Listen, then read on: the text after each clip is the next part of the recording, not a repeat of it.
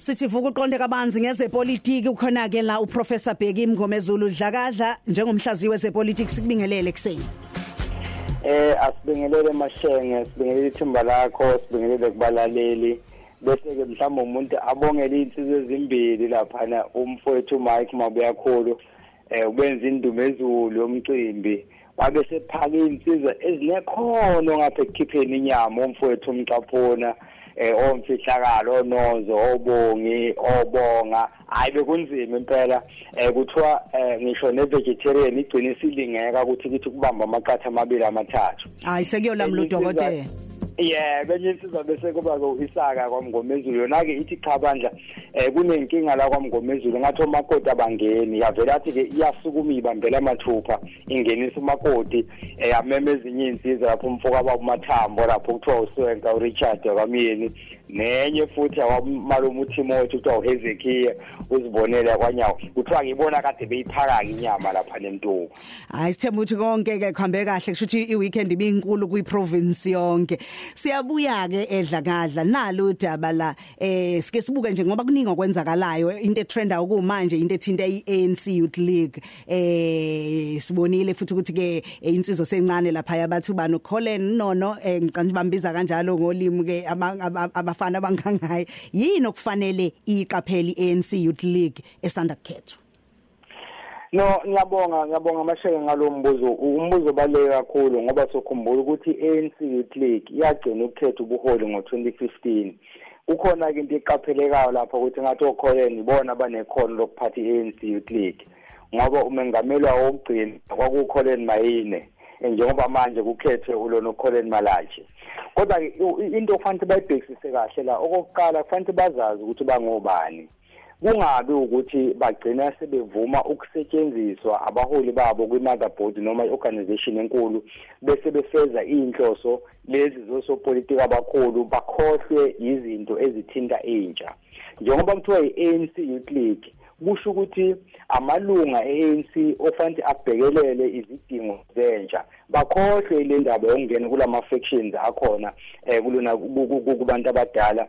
Bakhohlwe ukukhuluma izindaba ezingabafuni bagxile ezintweni ezithinta intsha kwakhiwe imisebenzi yentsha ikwazi intsha ukuthi ithuthuke. Bese okugcina benza isiqiniseko sokuthi ababi ngovuma zonke. Yonke into eshiwo i-motherboard bayivume njengoba injalo abakwazi umthetho osisekelo weqembu kodwa bazi ukuthi bona yini abayimele i-constituency yabo yiyiphi bayeke indaba ukuthi bazolandela ibhodo eliconsayo Sibuye size la kwiCope sibonile ixosha abaholi bayo. Ingabe zizoba namuphi umthelela lezi nqumo? Ah iCope izimbela yona igodi mashenge ngoba uma uzobheka ukuthi iqembu leli elikhombisa ukuthi lokhu kushone phansi njalo njengomnotho waseZimbabwe eh, akukhombisi futhi ukuthi ubuholi bayo eh, buzimisele ngokuthi buvuke buzibuthe. Ngoba eh, awukwazi ukuthi ngathi kuze ukhetho ngonyaka ozayo eh uxosha abaholi bevele bembalwa kanje. Ngoba sokhumbula ukuthi iPope ikuyaba nabaholi eh akuyibekaba nezihlalo ezingamashumi amathathu kuzwe lonke uhulumeni kazwe lonke kamuva yagcinisele nezintathu eh kudeka ke owaziyo ukuthi ngonyaka ozayo iyobuya naso enesodwa uma ngabe ubheka indlela okwenzeka ngayo. Bafike baqosha umadisha baqosha eh, ulona uhleko. Manje nesikhundla sika Dennis Blom naso ngathi sizulelwa ngamanqe. Okusho ukuthi ke iqembu lizothuma ngabe liya okhethweni liye lichogela okuyinto engagcina ilimaza kakhulu ligcine lingabuyanga nalutho ngonyaka ozayo. So ke leyo nto fanele bayibhekisise kahle ukuthi inqoma abayithathayo manje zingaba nomthelela ngonyaka ozayo. Ingabe mhlambe ke ungakanani umsebenzi ohlalela ubuholo obusha beANC entshonalanga Kapa? Eh mkhulu kakhulu mashenge sizokhumbula ukuthi isifundazwe sasentshonalanga Kapa sake saphathwa yiANC yenza kubudedengu iyathatha ke isifundazwe leso yasinikeza iDA iDA yathi cha uJehova kaphi ngesandla. Siyabonga ANC ukuthi nisinikezile isifundazwe sizokwenza isiqiniseko sokuthi angeke niphinde nisithole.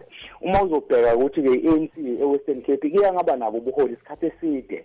Njengoba sebekhethiwe ke manje lona okhethiwe eh, okumangazayo ukuthi ubengekho ohlwini labantu abazokhethwa igama lakhe kuphakanyiswe khona kwingqungquthela eh, uCharles Sisu uyena muntu ke oseshayela umsebenzi ukuthi ahlanganise ithimba lakhe kuqala bese ke emva kwalokho enze isiqiniseko sokuthi benza konke okusemandleni ukunciphisa izibalo ze-DA ngonyaka uzayo kodwa ukuthi i-ANC ingasithatha isifundazwe sentshonalanga kapa cha amashenga akufanele ukusiqamba manga into engeke izenzeke okwamanje angeke izenzeke ngoba i-ANC ayikho esimeni esikahle sokuthi ingabuthatha ubuholi eh kulona kwi-DA Western Cape. Njengoba ne-DA nayo ingakabi sesimeni esikahle sokuthi ingalithatha izwe ku-ANC ngaphandle imizokwenza isiqaqambiji lihlanganisa amanye amaqembu bese isusa ke i-ANC Sibonga kakhulu eh prof njoba siqala inyanga yamadoda mhlawumbe nje umlayezo ongawusho nje njoba sisho sithi ke eh, amadoda amaningi